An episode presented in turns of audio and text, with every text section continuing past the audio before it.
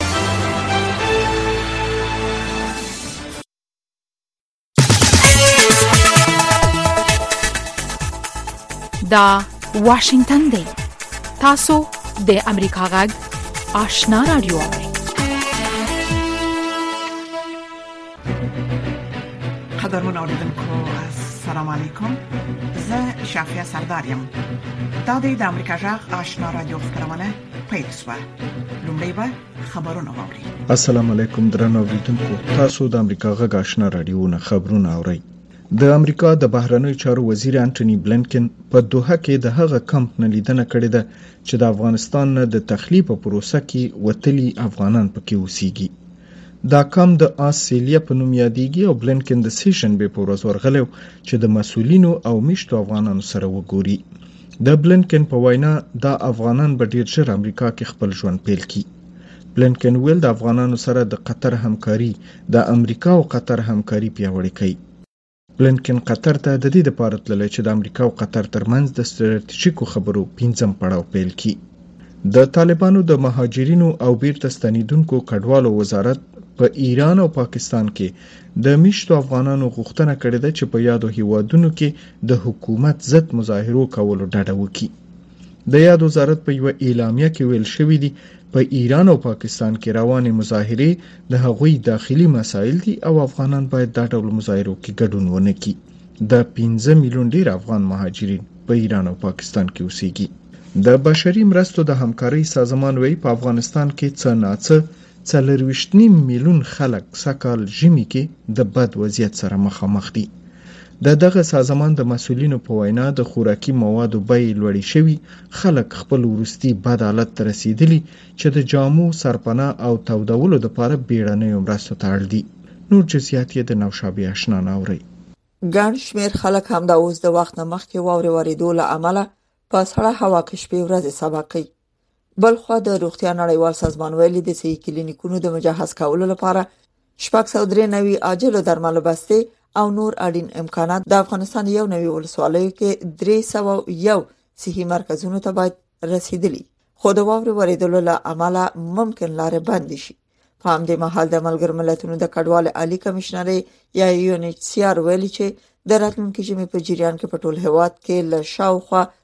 څلور سوه زره کسانو سره نقد مرستې کوي دغه ادارې ویلي چې د ملګرو ملتونو سازمان اړوند ټیمونه د اړمنو کسانو پیدا کولو لپاره کور پر کور ګرځي په افغانستان کې د بشري بحران زیاتېدو په اړه اندېښنو سره هم مهاله د ملګرو ملتونو د ماشومان د ملاتړ صندوق یا یونیسف هم ویلي چې ټاکل شوی په راتلونکو میاشتو کې له یو سلو یو لزر اړمنو کورنۍ سره نقد مرستې وکړي نوشابه آشنا امریکا غاک آشنا رادیو واشنگتن بلخوا د ملګرو ملتونو د مهاجرینو عالی کمشنرۍ د آغا خان انکشافي شبکې سره په افغانستان کې د وړو پورونو ورکولو خدماتي بانک پرانسته یاد بانک د داخلي بیزه شو هیواد ته بیرته ستنو شو او ځایي خلکو سره د پورونو په ورکولو کې مرسته کوي چې واړه کارونه فعال وساتي دا پورونه د اسلامي بانکدارۍ د قانون د مخې نه تنظیمیږي او د مهاجرینو د نړیوالې کمشنرۍ او په افغانستان کې د آغاخان د وړو پورونو خدماتي بانک په نوښت پیل شوی او ډیره همکاري د ښځینه متشبثینو د شخصي سکتور سره مرسته کول دي. د طالبانو په کنټرول کې د افغانستان بانک د امریکا د حکومت هغه پریکړه غیر عادلانه بللې چې غواړي د افغانستان بانک درې نیم میلیارده کنګل شوې شتمني سویس ته انتقال کړي. د افغانستان بانک چارواکي وایي دوی به د افغانستان د استازیتوب پرته دا ډول فیصلې عملي کول ونه مني. د افغانستان بانک په یوه مختصره اعلامیه کې لیکلي دا شتمني د افغانستان او د افغان ولس ده او دا شتمني د کلونو لپاره یوازې د افغانۍ د مالي ثبات د ساتنې لپاره او په افغانستان کې د تجارت د سهولتونو جوړولو لپاره کارول کېدله.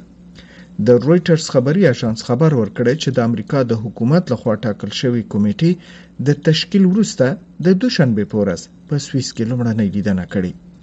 د طالبانو یو ویان ویلي په پکتیا کې د سرحدي جنجال په سر د پاکستان سره د طالبانو په خبرو کې په یوې ګډې کاري کمیټې جوړولو سلا وشوه او دوی د دوامداره لیدنو له لارې په راتلونکي کې د دا ډول وسلوالو شخړو مخنیوی کوي. د طالبانو ویاند ذبیح الله مجاهد ویلي، د طالبانو حکومت د ګاونډیو هېوادونو سره په سرحدونو کې د هر ډول مسلحانه پېښو مخالف دی، بلکې یوازې د خپلو سرحدي سیمو ساتنه کوي. په پکتیا کې محلي رسنیو خبر ورکړی، چې د پاکستان سره په ډیورنډ کرښه درې ورځنۍ نښته د سې شنبې په ورځ پای ته رسېدلې ده، خو د خبرو په نتیجه کې کومې نهايي موافقې ته نه دي رسېدلي. تاسو د امریکا غږ آشنا راډیو نه د افغانستان، سیمې او نړۍ خبرونه اورئ. په پاکستان کې چارواکي وایي د هغو افغان کډوالو نوم لیکنه پیلوي چې په پاکستان کې اوسي خو له حکومت سره ثبت او رجسټر نه دي. د پاکستان د سرحدي چارو مرکزي وزیر ویلي دوی به په پاکستان کې د میشتو رجسټر شوو افغان کورنیو د غیر رجسټر شوو غړو د نومونو ثبت کول پیل کړي. د دوشنبې په ورځې د پاکستان په قومي اسمبلې کې هم په همدې مسلې باندې بحث شوی دی. د امریکا غږ د راپور د مخې نه د پاکستان سرحدي چارو وزیر د اسمبلې غړو ته ویلي چې اوس وخت په پاکستان کې څه باندې یو اعشاریه دوه میلیون افغان کډوال ثبت او رجسټر دي. نن چهارشنبې په بیت المقدس کې دوه بمي چاودنې وشوې، یو تن پکې وژل شوی او لږ تر لږه څوارلس نور زخمي شوي دي. پولیسو ویلي ګومان کوي دا حملې فلسطینیانو کړي. لومړۍ چاودنه د بیت المقدس په یوه څنډه کې د بس په یو تمځای کې شوې ده چې معمولا ډیر خلک بس ته منتظر ولاړي. دویمه چاودنه د ښار په شمالي اړخ کې شوې. پولیس وایي یو تن د زخمونو له امله مړ شوی او څلور نور د همدې چاودنو له امله سخت زخمیان شوي دي. نن چهارشنبه د کارکوونکو او په ټولنیزو شبکو خپرو شوو ویډیوګانو کې معلومیږي چې د اپل د آیفون شرکت تر ټولو لوی فابریکې کې د یو جنجالي قرارداد په سر مظاهرو لامل کارګر وهل کیږي او بندي کیږي په چینایي ټولنیزه شبکه خبره شوې ویډیو چې د ژینګژو په مرکزي ساحه کې د آیفون فابریکې دننه اخیستل شوې ښکاري زرګونه خلک د ماسکونو سره د پولیسو سره لاسو ګریوان دي یو کارکوونکی په سر وهل کیږي او بل کس ښکاري چې لاسونه یې شاته تړل شوي او وړل کیږي. په سوشل میډیا خپرو شوو ویډیوګانو کې مظاهره کوونکي وایي دوی په یو قراداد کې د سرغړونو په وړاندې مظاهره کړې. د دې شرکت مرکزي دفتر د تایوان په تایپي نومي ښار کې دی او تر اوسه یې د دې پیښې په اړه څه تبصره نه ده کړې او پاکستاني مطبوعات وایي د ملکي اقتصاد د دیوالیا کیدو خطر ډیر شوی د راپورونو په اساس د پاکستان بد اقتصادي وضعیت کې دېرش سلنه نوره خرابي هم رامنځته شوې او په پاکستانیانو کې دا اندېښنه ډېره شوې چې پاکستان به راتلونکې میاشت یعنې ډسمبر کې د سکوک بانډونو دپاره د یو میلیارد ډالرو پور ورکولو کې ستونزه ولري خو د خزانې وزیر اسحاق ډار ویلي پاکستان به د قرضونو او سود په ستنولو دیوالیه نه شي اقتصاد پوهان وایي پاکستان دیوالیه شوی ځکه د پورونو د بیرته ورکولو لپاره د نړیوالو بانکونو نه نور پورونه اخلي تاسو د امریکا غږ آشنا راډیوونه خبرونه واوریدل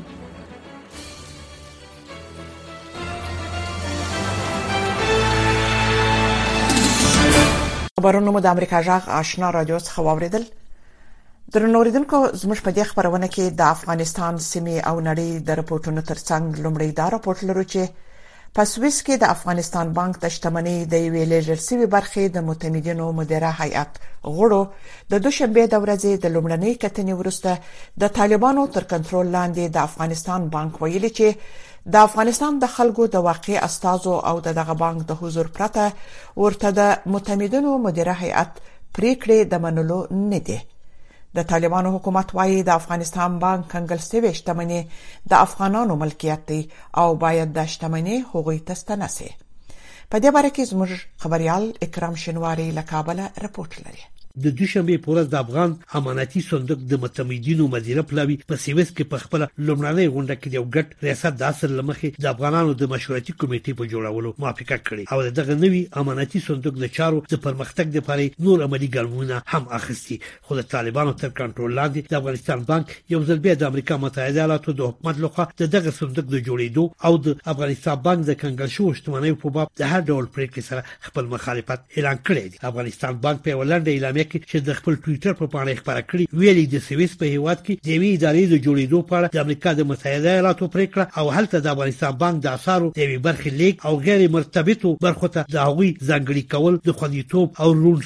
تیا ځانګړي معیارونه په پام کې نه نیول، د افغانستان بانک اندېښنو ته نه پاملرنه دا ټول د افغانستان د خلکو په حق کې ناعادلانه پرېکړه ده. دا چې دا پرېکړه د افغانستان د خلکو د رښتینو استازو په نشتون کې او د افغانستان بانک له ګډون پرته شوې، د منلو نه ده. دغه بانک ویلي چې د دغو اسعارو څخه داوږدو کلونو لپاره د بهرنیو اسعارو په وړاندې د افغانۍ د ثبات او نړۍ سره د سوداګرۍ په برخه کې د اسانتیاو د برابرولو لپاره کار اخیستل کېده. د امریکا د مالیې وزارت په یوه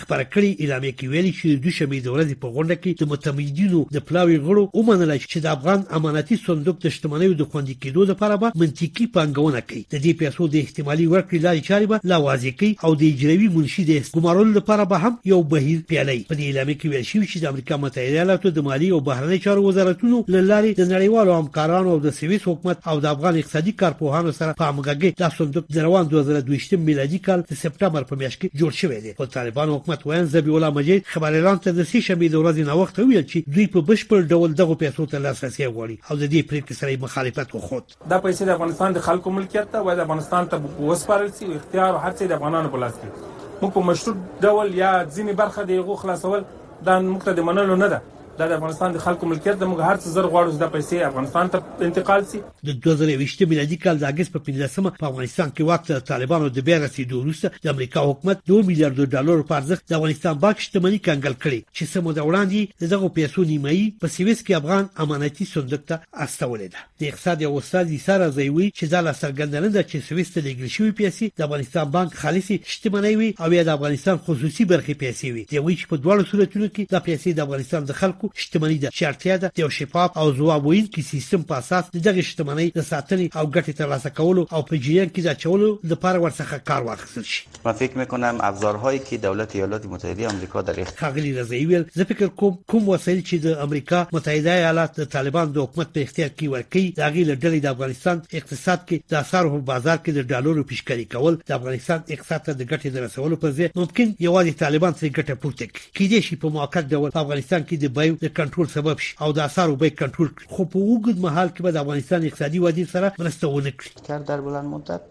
د رویټرز خبري اژانس د راپور په اساس د افغانستان د پخواني حکومتونو دوه چارواکو د مالی پخواني وزیر انورالحق انورالحق احدي او د افغانستان بانک د عالی شورا غړي شمامود محرابي په ګډون یو پلاوی په سویس کې د امنیتي صندوق چاري ساري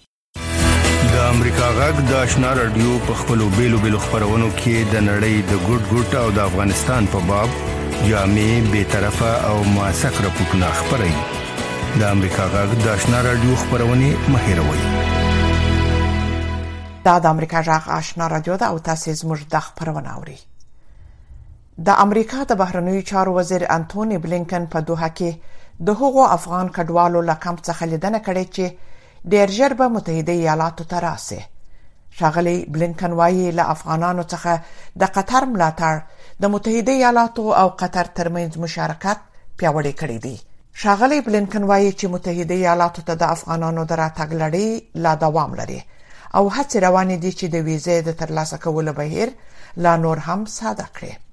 ښاغلی بلینکن په داسې وخت کې په دوحه کې د افغانانو له کمپ څخه لیدنه کړې چې د نړیوال بانک یوه تازه سروې ښیي چې په افغانستان کې د ژوند شرایط لا هم سخت دي او د دې هیواد دوه په درې برخه اوسیدونکي په سختۍ سره د اړتیا وړ توکي او خواړه ترلاسه کوي نور تفصیل په دې رپورت کې واوري د امریکا د بهرنیو چارو وزیر انټونی بلینکن په دوحه کې د افغان کډوالو له یو کمپ نه د لیدنې پر مهال ویلي چې د دوحې له لارې د افغانانو تخلیې بهیر لا دوام لري او قطر په دې برخه کې مهم رول لوبولی دی. ښاغلی بلېنکن وايي، د دوحې له لارې لږ تر لږه یوویشت زره افغانان متحدو ایالاتو ته لېږدول شوي دي او تمه ده چې نور افغانان هم متحدو ایالاتو ته راوستل شي. هغه وخت چې طالبانو په زوره په افغانستان کې واک واخیست، قطر له متحده ایالاتو سره د زرګونو هغو افغانانو چې له ګواښ سره مخامخ وو، چې پکې مرستندوی کارکونکي، ډیپلوماتان او نور شامل وو، ځای په ځای کولو کې مهم رول ولوباوه. د بل هر ځای په پرتله زیات افغانان د دوحې له لارې راغلي دي.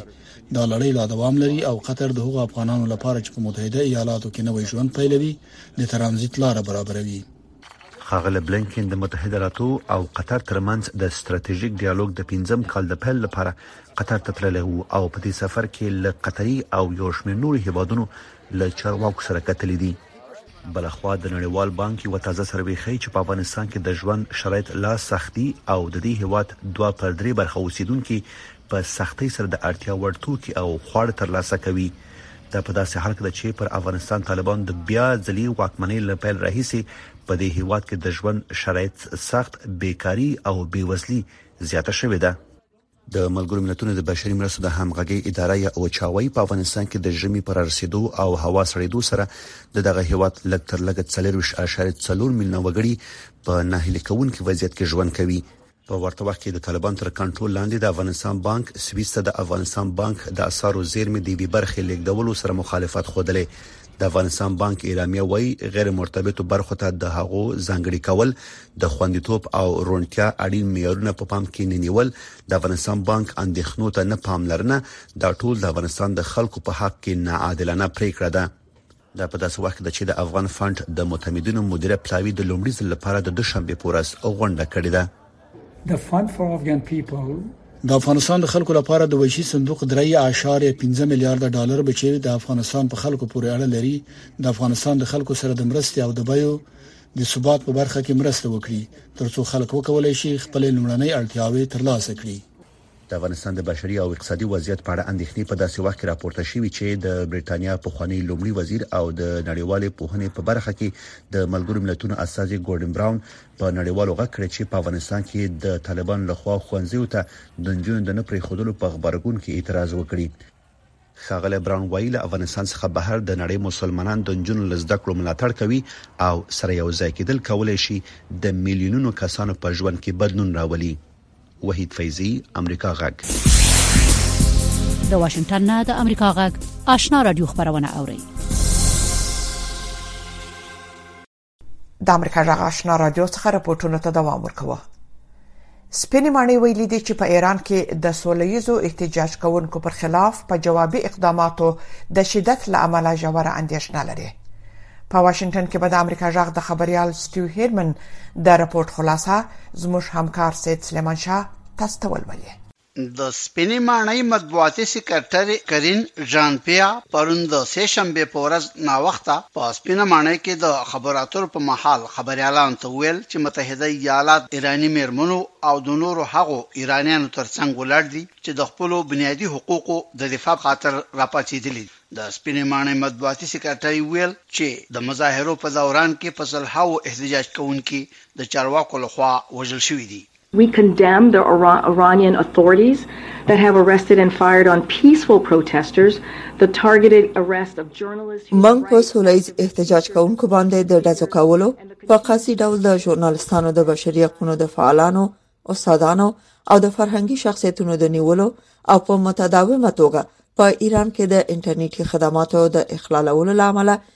د ایراني چارواکو غندنه کوو. ویاندې زیاته کړه چې متحده ایالات به له ټولو وسایلو نه په استفاده له هغو کسانو سره د حساب او کتاب په غرض خپلې هلې ځلې جاري ساتي چې پر احتجاج کوونکو باندې د ظلم او تیري مسوولیت یې په غاړه دی.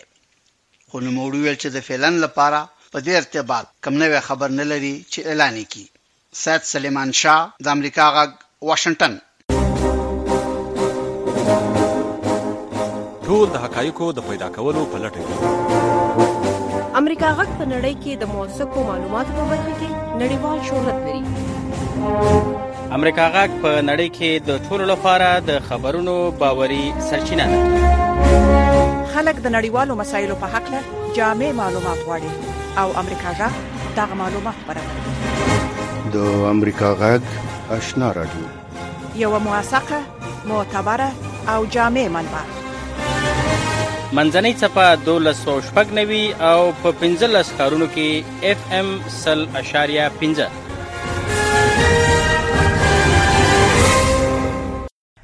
قدرمن اوریدونکو امریکا جاخ د هغو مهاجرو کارګرانو له ویرجنو کورنۍ سره خبرې کړې دي چې د نړیوال جام او اړوند تاسیساتو د جوړولو په مهال یې ژوند له لاس ورکړی دی نور حال پر پورت کې ووري د فوټبال د نړیوالو لوبو د کوربتوب امتیاز له ګټلو وروسته د بشري حقونو ډلو او رسنیو په قطر کې د پناه غوښتونکو په وړاندې د زور زیاتیو په اړه ګڼ رپورټونه خپاره کړل قطر کې ډېری پناه غوښتونکي د افریقا او اسیا د وچو دي د نیپال د دانوشا ولسوالۍ ځوانان د پور په پیسو خپل ځان تر قطره پورې رسوي په دې نیت چې پیسې وګټي او خپل راتلونکی جوړ کړي د دغو ځوانانو کورنۍ وایي چې بل انتخاب یې نه درلود اصلا دی وی یاد وایي چې میړه یې قطر ته د تللو مخکې په نیپال کې په ورځ کې څلور کیلو وریجې ګټلې د دی وی یاد میړه مونشوار په 2013 کال کې په قطر کې مړ شو مونږ کوچنی ماشومان لرل هغه پریکړه وکړه چې د کار لپاره بهر ته لاړ شي چې د خوراک او خوندزي لګښتونه برابر کړي منشیوار په دنګو ودانیو کې په تعمیراتي کارونو بوخت و. د کار له خطر سره سره هغه د شپې له خوا مړ شو او فامیل ته یې وویل شول چې منشیوار د زړه د درېدو له کبله وفات شوی دی.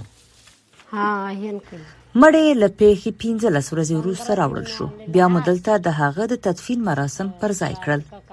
د بخښنې نړیوال سازمان وايي چې په قطر کې د مړو کارګرانو په سندونو کې د هغوی د مرګ علت د زړه درېدل او نور طبي مرګونه لیکل کیږي ډاکټران وايي چې سالم ځوانان په طبي مرګ نه مري په دې توګه نو مستخدمین د یو کارګر د مرګ مسؤلیت نه اخلي او د نورو کورنیو په څیر دغه نیپالي کارګر کونډه یوازې پاتې او د ژوندۍ پاتې کېدو لپاره مبارزه کوي زما د میړه له مرګ وروسته د عاید کومه سرچینه نه وه ما خپل ځمکه خرڅ کړه زه خپل کور د مزکې په پیسو چلوم په 2020م کال کې د ګارډین ورځپاڼې په یو څېړنیز راپور کې راغلي چې د فوټبال لوبو د کوربتوب لګټلو وروسته په قطر کې 4500 کارګران مړ شوي دي قطري چارواکو په دې اړه له څه ویلو نه ډډه کړې احمد شکیب د امریکا غږ کا غواړی چې هر وخت د نړۍ او افغانستان په اړه تازه ماسات او به طرف معلومات ترلاسه کړئ نو د امریکا غږ آشنا رادیو د خبرونو اوریدل مهیروئ د امریکا غږ آشنا رادیو څخه راپورټونه ته دوام ورکوي په امریکا کې مشتي د بشري حقوقو د څار ادارې پر ترکی چارواکو تور لګولې چې لګواښ سره د مخامخ کډوالو په ګډون افغان کډوال په ډله ییز ډول له ترکیې څخه باسي تفصیلي په رپورټ کې واوري احمد چې اصلي نوم یې د امنیتي دلایلو له امله نه اخیستل کیږي د امریکا لخوا د روزل شویو پخوانیو افغان ځواکونو پیلوټ دی نوموړی له یو کال راهیسې په استانبول کې اوسي او په امریکا کې د خپلې پناه غوښتنې منل کېدو ته انتظار باسي دی اوس له ترکیې څخه د شړل کېدو په ویره کې ژوند کوي زه یو څو کسه پیژنم چې ایستل شوي دي، یو شمېر یې پخواني پوځیان وو. طالبان وايي چې دوی د پخواني پوځ پرسونل ته عفوه کړې ده، خو داسې نه ده. موږ داسې خبرونه ترلاسه کوو چې دوی اوس هم د پخوانیو پوځیانو په لټه کې دي او پخواني پوځیان اوس هم وژل کېږي او برمته کېږي. د ترکیې د کډوالو اداره وايي، سږکال یې د هوا له لارې پنځوس زره افغان کډوال بېرته افغانستان ته استولي دي او له ایران سره په ګډه پوله یې ترکیې ته د دوه سوه څلوېښت زرو نورو افغانانو د اوښتو مخه نیولې ده. د بشري حقونو د څار د ادارې په رپوټ کې چې په همدې میاشت کې خپور شو ویل شوي چې ترکي چارواکي د افغانانو په شړلو کې له زور څخه کار اخلي او له یوې مخې ټول باسي. موږ چې څه وینو هغه دا دي چې په ښارونو کې د پولیسو په لویو عملیاتو کې خلک نیول کیږي، د شړل کیدو په مرکزونو کې اچول کیږي او له هغه وروسته په جبر ورباندې د داوطلبانه ستنیدو اسناد امضا کیږي. د رپورت عنوان دی هیڅ چا له ما ونه پوښتل چې ولې له افغانستان څخه وتم او دا د دې حقیقت لنډیز دی چې په رپورت کې هیڅ چا ته د دې فرصت نه ورکړ شوی چې د پناه اخیستو غوښتنه وکړي ترکی چارواکي د زور د کارولو تور په کلکه ردوي او وایي دوی د نړیوالو معیارونو سره سم چلند کوي په ترکیه کې شاوخوا څلور میلیونه سوري کډوال ژوند کوي، خو د مهاجرینو په هکله د ترکیې د ولس ناخوښۍ او په راتلونکي کال کې کېدونکو ټاکنو ته په کتو سره د ترکیې حکومت دغه هېواد ته د نورو مهاجرو له ورتګ څخه وېره لري. په دې ورځو کې ترکیې ته د نویو افغانانو راتګ د سوري کډوالو په پرتله زیات شوی دی. په همدې خاطر د ترکیې حکومت د مهاجرینو د یوې نوې څپې له راتګ څخه په وېره کې دی. د ټاکنو په رانږدې کېدو سره د افغان کډوالو د راټولولو بهیر لا پسې چټک کیږي. چارواکو همدارنګه اعلان کړی چې په استانبول کې د اوسیدونکو افغانانو د اقامې جوازونه نه نوي کوي. د احمد د اقامې جواز هم په دې میاشت کې ختم شو، خو دی وایي چې په امریکا کې د پناه غوښتنې د وروستۍ مرکې لپاره یې یوازې څو هفتې پاتې دي او هیله لري چې هلته له خپلې مېرمنې او څلورو ماشومانو سره یو ځای شي. دا له وخت سره مقابله ده زه هیله منم چې متحده ایالاتو ته ولاړ شم ځکه کورنۍ مې هلته ده هر وخت چې پر سړک روان یم ویریږم چې پولیس راڅخه د اسنادو پوښتنه ونه کړي او دا چې زه اسناد نه لرم خای بیرته مې افغانستان ته ولېږي او زه افغانستان ته له بیرته ستنېدو سخت ډارېږم په څو نیو کې به د احمد د ژوند برخلیک معلوم شي یا به بیرته افغانستان ته ولیږل شي او یا به په امریکا کې له خپلې کورنۍ سره یو ځای شي. مومن خان واحدي، د امریکا غږ، واشنګټن. قدرمن اوریدونکو په کابل کې د ابن سینا د معتادینو د درملنې د روغتون مسؤلینو په شتمنو غږ وکړ چې په نشه یي موادو روږد کسان په ډیر تکلیف کې دي او د ژمي له رارسیدو سره یې که لاسنیوی وکړي په همدې حال کې د کرکټ د لوبغاړي محمد نبي بنسټ له دې روغتون سره مرسته کړې ده محمد ابراهيم مومن رپورت لري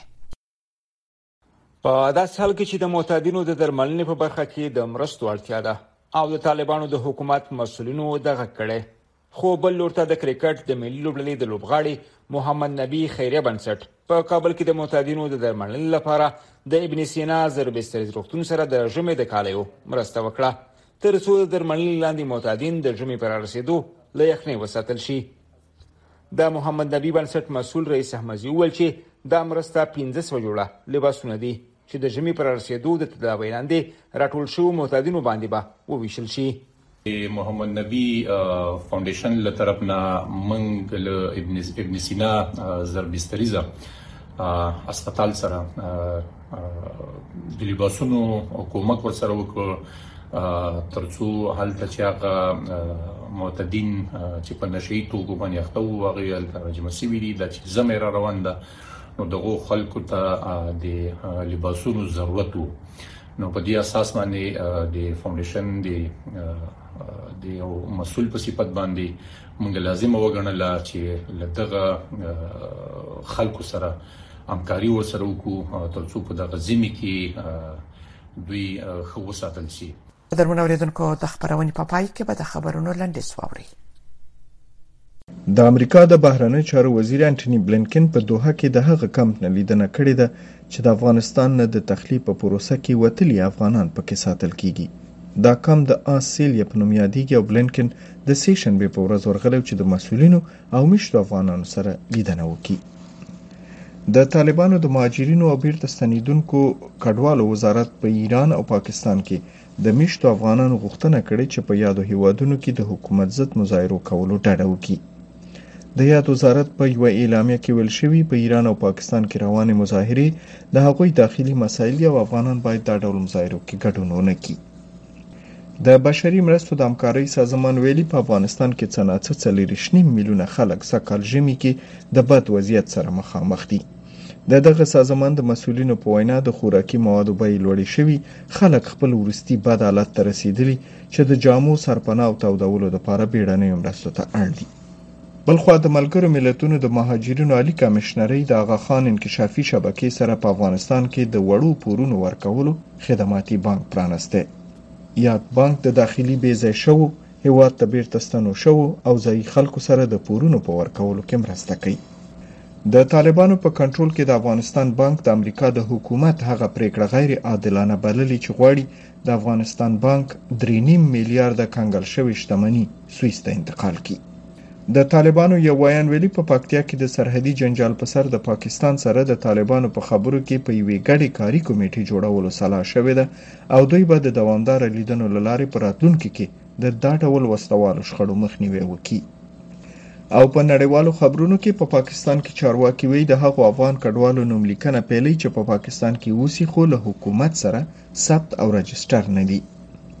نن چهارشنبه په بیت المقدس کې دوه بمي چاودنې وشوې یو تن پکې وژل شوی او لږ تر لږه څوارلس نور زخمی شوي دي پولیسو ویلي ګمان کوي دا حملې فلسطینیانو کړي اوسي بلخوا نن چهارشنبه د کارکوونکو او په ټولنیزو شبکو خپرو شوو ویډیوګانو کې معلومیږي چې د اپل د آیفون شرکت تر ټولو لوی فابریکې کې د یو جنجالي قرارداد په سر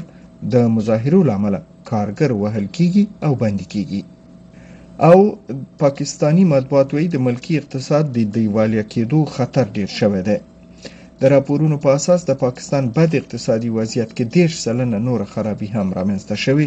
او پاکستانیانو کې دا اندېښنه ډیره شوې ده چې پاکستان به راتلونکي میاشت یعنې دسمبر کې د سکوکو بانډونو لپاره د یو میلیارډ ډالرو پور ورکولو کې ستونزه ولري